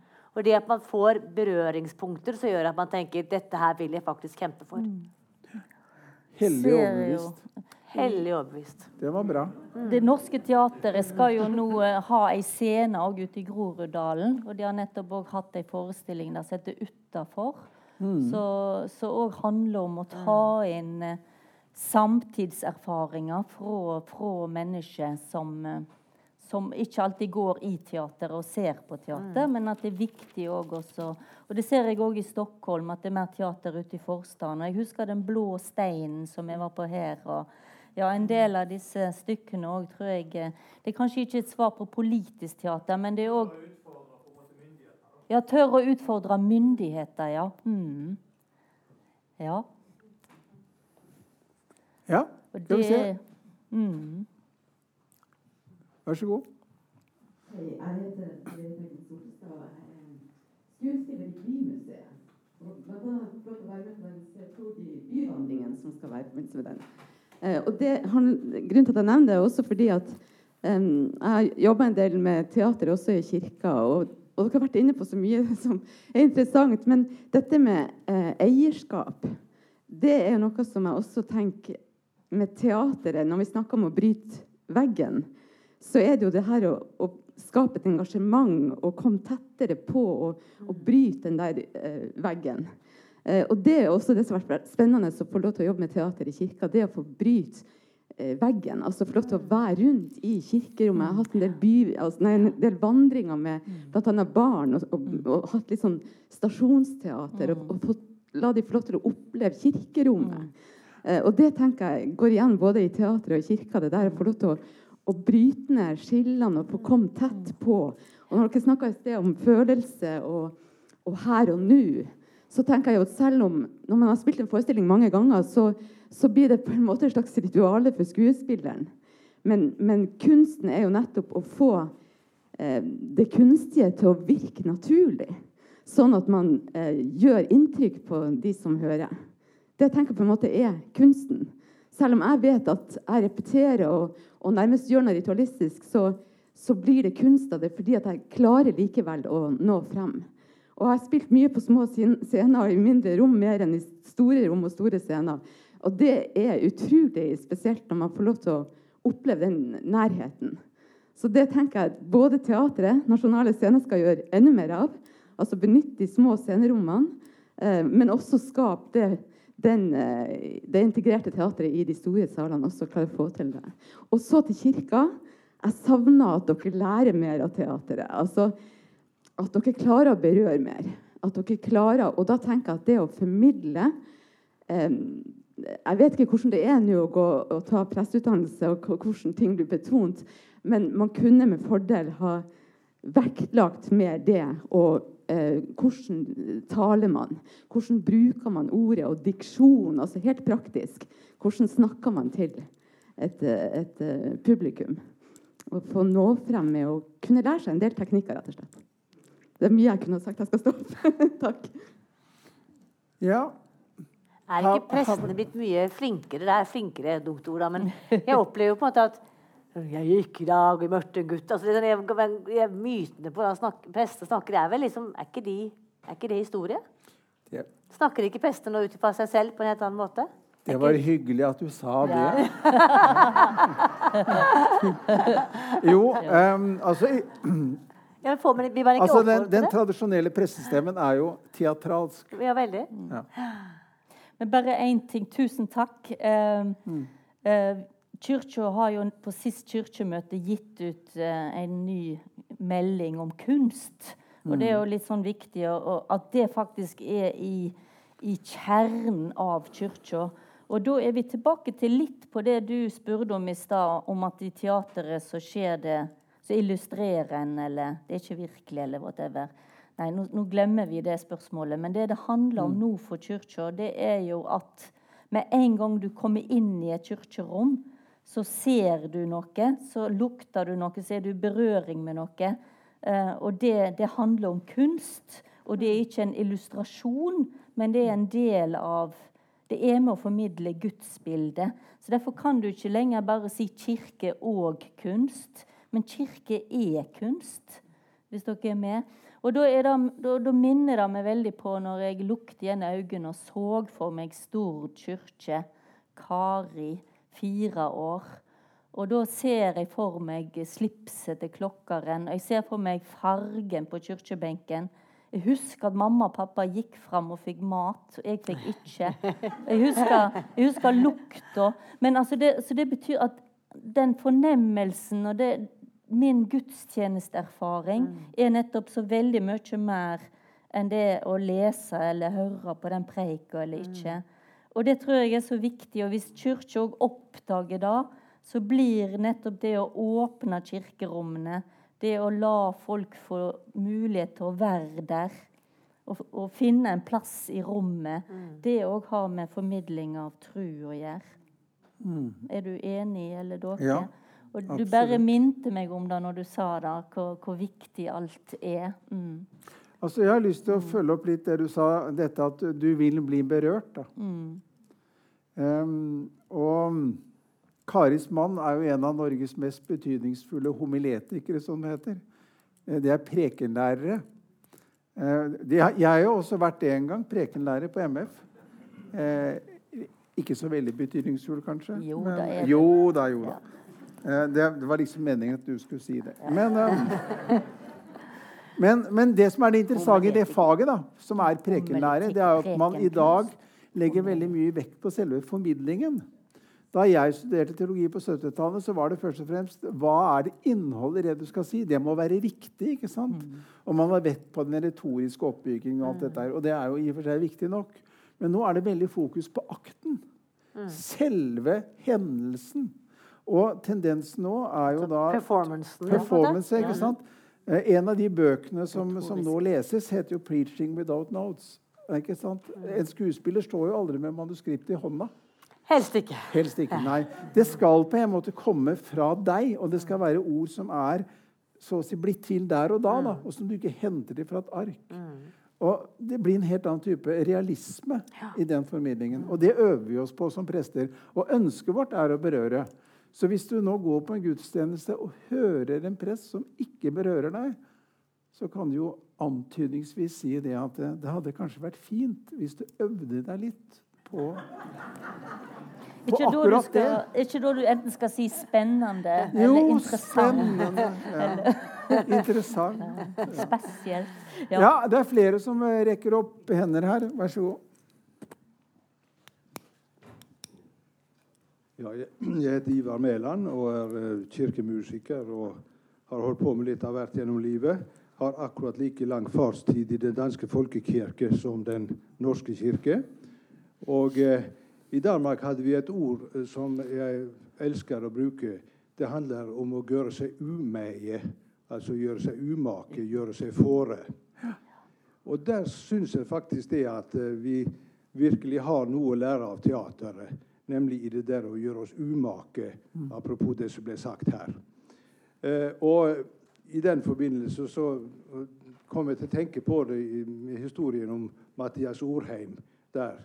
Eh, der var det jo virkelig en som ikke tok rollen sin alvorlig. For selvfølgelig skulle han holdt kjeft eh, eh, i lang tid etterpå om at han ikke trodde på det. Og jeg har brukt tolv år av livet mitt som fagforeningsformann for eh, kirkemusikerne i Norge. Og en del av reisen min rundt i landet, det var å reise rundt og rette opp igjen på folk som hadde spilt gudstjenesten. Og så har vi lært det i Norge at du skal ikke gjøre noe, noe som du ikke kan stå for. Og Derfor, like så hurtig som vi kom ut av kirken, så sa de men jeg tror egentlig ikke på det, men jeg syns det er fint med musikk. Og så sa jeg hold kjeft. Rett og slett. Og det syns jeg faktisk eh, vi, vi, som sagt kan lære noe av teateret også. Fordi eh, jeg hører jo biskopen snakke så fint om de nye trender og hva vi lærer. Men så er det jo det med arbeidsmoralen. Å gjøre seg umake og ta rollen sin på alvor. Mm. Eh, der tror jeg vi har faktisk utrolig mye å hente. Takk. Ja. Men hvis jeg kan forsvare Kirken, så tenker jeg at jeg opplever at Kirken tar rollen mer alvorlig nå enn, i forhold til mine behov enn den gjorde. Altså jeg ser Når jeg er i utlandet, så går jeg veldig gjerne i katol jeg oppsøker gjerne katolske kirker. Mm. For jeg synes det er så fint. Altså, både moren min er død, og faren min er død, og jeg mistet mange. Så liksom, det er så hyggelig å gå inn der og tenne lys. Mm. Det er et sånn godt ritual å gjøre i et rom. Mm. Hvor du på en måte kommer inn og får reflektert, du, kan, du får sterke bilder, du kan kjenne på at du er i verden. Og der har jo også den norske kirken, statskirken, da, som ikke lenger er statskirke, folkekirken, da, åpnet mer for den type ritualer. Mm. Sånn som jeg, Nå er ikke jeg som sagt en veldig god kirkegjenger, men jeg har vært der, så opplever jeg at mm. der er kirken også i endring. Mm. Og kanskje har lært litt av teateret, lært litt av det behovet som vi alle har for å kunne være i et reflekterende rom uten mm. å bli fortalt det som helt sannheten hele tiden, men få lov til bare å være til stede. Mm. Ja. Takk. Vær så god. jeg tror det er riktig å si at uh, dette var vel en utvikling som kanskje mm. begynte på 90-tallet, og som henger sammen med det du kaller for postmodernismen. Det er jo et mm. veldig uklart begrep, da. Men hvor man, hvor man var opptatt ikke bare av å formidle et meningsinnhold, men også en opplevelse. Å gestalte noe, og la tingene skje, og la folk få bruke kropper. Og dette med lystenning, ikke sant. Og man fikk gudstjenester hvor man vandret rundt i kirken. ikke sant? Man begynte å bruke til og med Noen ganger så brukte man røkelse. Man hang opp ikoner i kirken. Alt sammen for å skape et større rom. da. Mm. Så jeg tenker at det har skjedd veldig mye med, med, med, dette som går på at vi vil spille på større register da, mm. av uh, emosjoner og sanseinntrykk. Mm. Og det, det, må være rett. Uh, uten tvil. Altså, klart Det handler om å bli berørt som ja, tilskuer. Som berørt, Ja. Ja. Skal vi se, Det er en hånd til der oppe, ser jeg. Vær så god. Hei. Ingrid Askvik. Jeg er teaterregissør og eh, absolutt oppvokst i Den norske kirke som prestedatter. Har også hatt noen runder som trosopplæringsleder, så jeg føler jeg har nok vært på mye teater og veldig mye gudstjenester. Jeg føler meg veldig hjemme veldig, begge steder. Jeg vil først bare takke for dette arrangementet, som jeg ser som en veldig sjelden uh, event. Eh, og eh, jeg hadde bare to assosiasjoner som jeg hadde lyst til å dele. Jeg skal prøve kort. Den ene er fra Leikanger kirke. Nå i jula og de siste julene, der vi har satt opp juleevangeliet på julaften. Mm. Tre fulle forestillinger. Uh, hele bygda er med på scenen foran og bak. Vi er profesjonelle som holder i trådene. Og det er julegudstjenesten. Eh, og det er en fantastisk eh, opplevelse, om jeg skal si det sjøl. Litt inhabil, men, eh, men eh, med kun juleevangeliet som tekst. Og ellers eh, tablåer og masse musikk. Eh, det er ferdig på 40 minutter. Folk kommer inn, får en, en helt spesiell opplevelse på julaften og går hjem igjen. Og det jeg tenker jeg er et sted for meg der eh, kirka og teatret virkelig har møtst og, og får ut kraften av hverandre. Eh, og en annen, helt annen assosiasjon til det dere snakka om, om, om, blasfemi og kan vi portrettere Gud. jeg hadde en veldig sterk opplevelse under når jeg utdannet meg i Amsterdam. Og det er jo et Eh, på mange måter et veldig mye mer sånn indrekirkelig kalvinistisk land, og mye mer sekulært. Eh, det var et sted, Hvis jeg fortalte at jeg vokste opp i kirka, så var det helt utrolig i en teatersammenheng. Du, finner ingen der som eh, kan gå i kirka og være en del av teatermiljøet. Da må du virkelig ha brutt. Vi snakker eh, tilbake til Kvinesdal. Eh, det har ingenting med hverandre å gjøre. Og der, eh, Jeg var på en forestilling med en gruppe som jeg likte veldig godt. Og plutselig hadde de en scene eh, med en eh, veldig sånn breial gud. Um, og jeg er, jeg er ekstremt tolerant, jeg tåler veldig veldig mye, men det opplevdes veldig ubehagelig. Og et grunn til det, ikke nødvendigvis hva de gjorde, men var at jeg satt i et rom der jeg tenkte det, nå spiller dere for menigheten. Dere gjør narr eh, av, en, eh, av noe. Og alle her inne er totalt enig i at hø, hø, hø, det er kjempegøy å gjøre narr av det.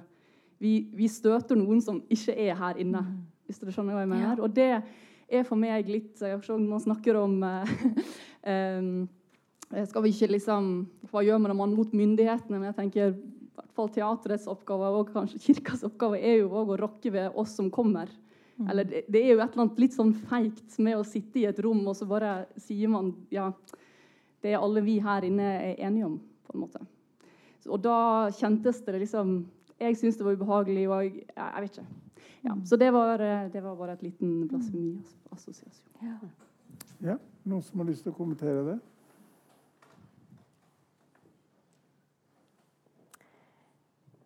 Se på deg nå. Du ser på meg. Ja. Jeg takker for refleksjonene. Og de er, de er bare så viktige å komme inn. Og Vi, nei, det er viktig at du bringer de inn. Um, når jeg jobbet i Bymisjonen her i Bergen, så hadde vi ei danseforestilling med Kristine Oma, hvor hun, eh, hun framfører det å være oppvokst med en far som er rusavhengig, og hvor hun starter helt naken på scenen. Eh, det er ingen, altså Nå snakker jeg om et, noe tredje, men, men jeg bare fikk, fikk den erfaringen min opp mens du snakket. Eh, for at vi skulle vise det i Korskirken med en del av våre folk der, det var en del av dere som var med på det, så, så krevdes det òg at vi lagde en kontrakt. At det var mange av oss som jobbet der. Eh, Jeg var prest, flere av mine medhjelpere. At vi på en måte visste at ting kunne bli vekt opp eller komme som, som, da, som da ble oppleves for sterkt, fordi at hun starta med å sitte helt naken, snudd, vendt om. Men, eh, men eh, jeg syns at vi gjorde det der, og, og nettopp hun var ei som på en måte brukte dette veldig integrert, ikke spekulativt. Eh, og, det, og, det, og det handler om hennes sårbarhet, men allikevel kunne det ha blitt opplevd av noen som jeg sitter i et kirkerom og ser noe her, jeg blir fråstøtt. Men jeg tror måten vi på en måte lagde kontrakten rundt det, og, og var der og var villig til å gå ut med folk hvis det ble for sterkt, den, den, den fungerte sånn at vi i etterkant òg fikk brukt den danseforestillingen til å sette ord på noe som var viktig for mange òg som har opplevd det samme. Eh, men men, men det, det, du bare peker på den risikoen det kan være sant? Med, å, med å brette ut noe som egentlig ikke kanskje i utgangspunktet hører hjemme i den sammenhengen, eller ikke. Og, og ja. eh,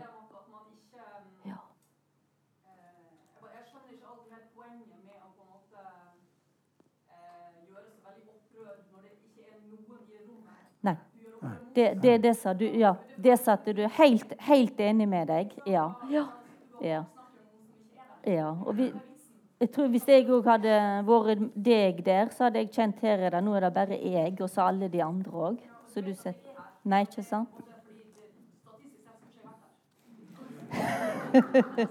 Nei. Men det er interessant det du bringer Ja. til torgs, da, for det handler jo noe, også noe, Vi skal snakke om kirkegjengere og menighet og publikum, at der er noe likhet.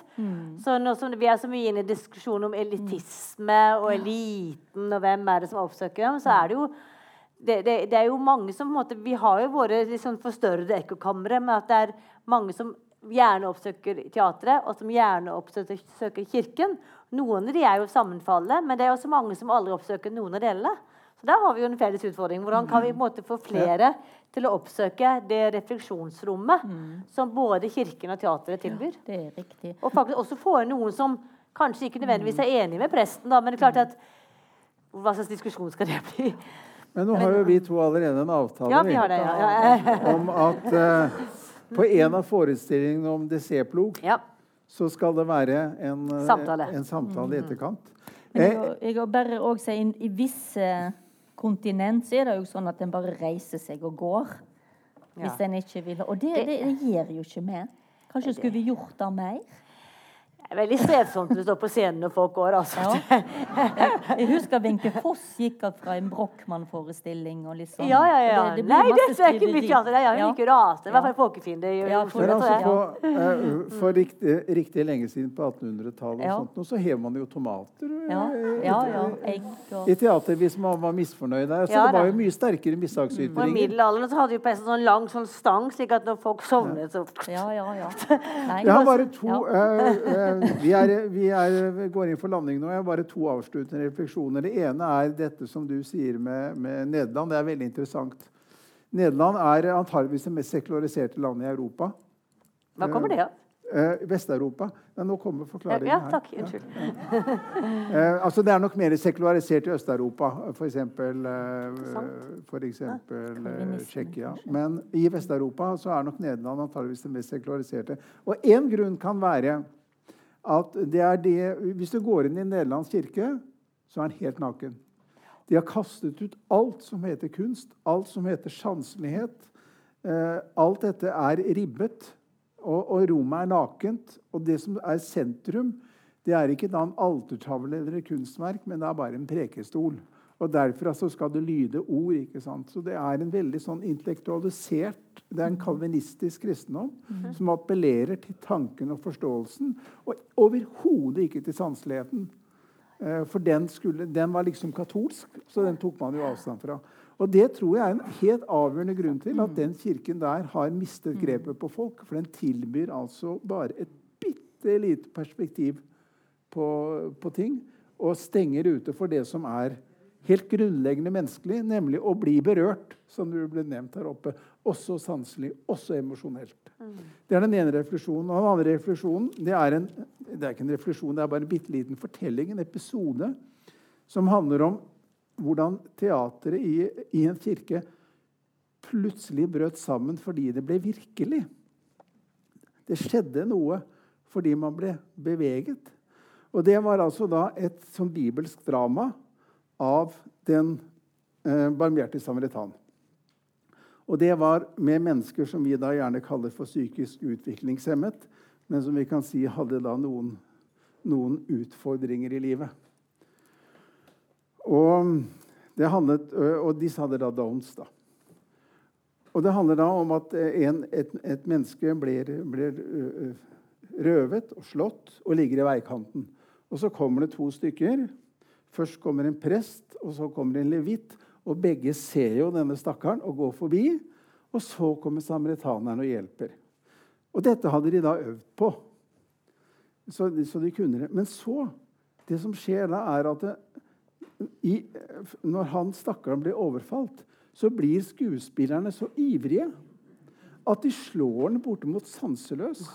Altså, Stykket blir, begynner å leve sitt eget liv. Og han, han, ligger der rett og slett og har det vondt og klynker. Og så kommer da presten, som ifølge manuskriptet skal gå forbi. Men så stopper han og sier 'Nei, men du har jo slått deg, jo!' Ja. Og så løper han bort og hjelper. Og dermed så bryter på en måte det, ikke sant? det gikk jo helt feil. Men det var jo fantastisk, det som skjedde.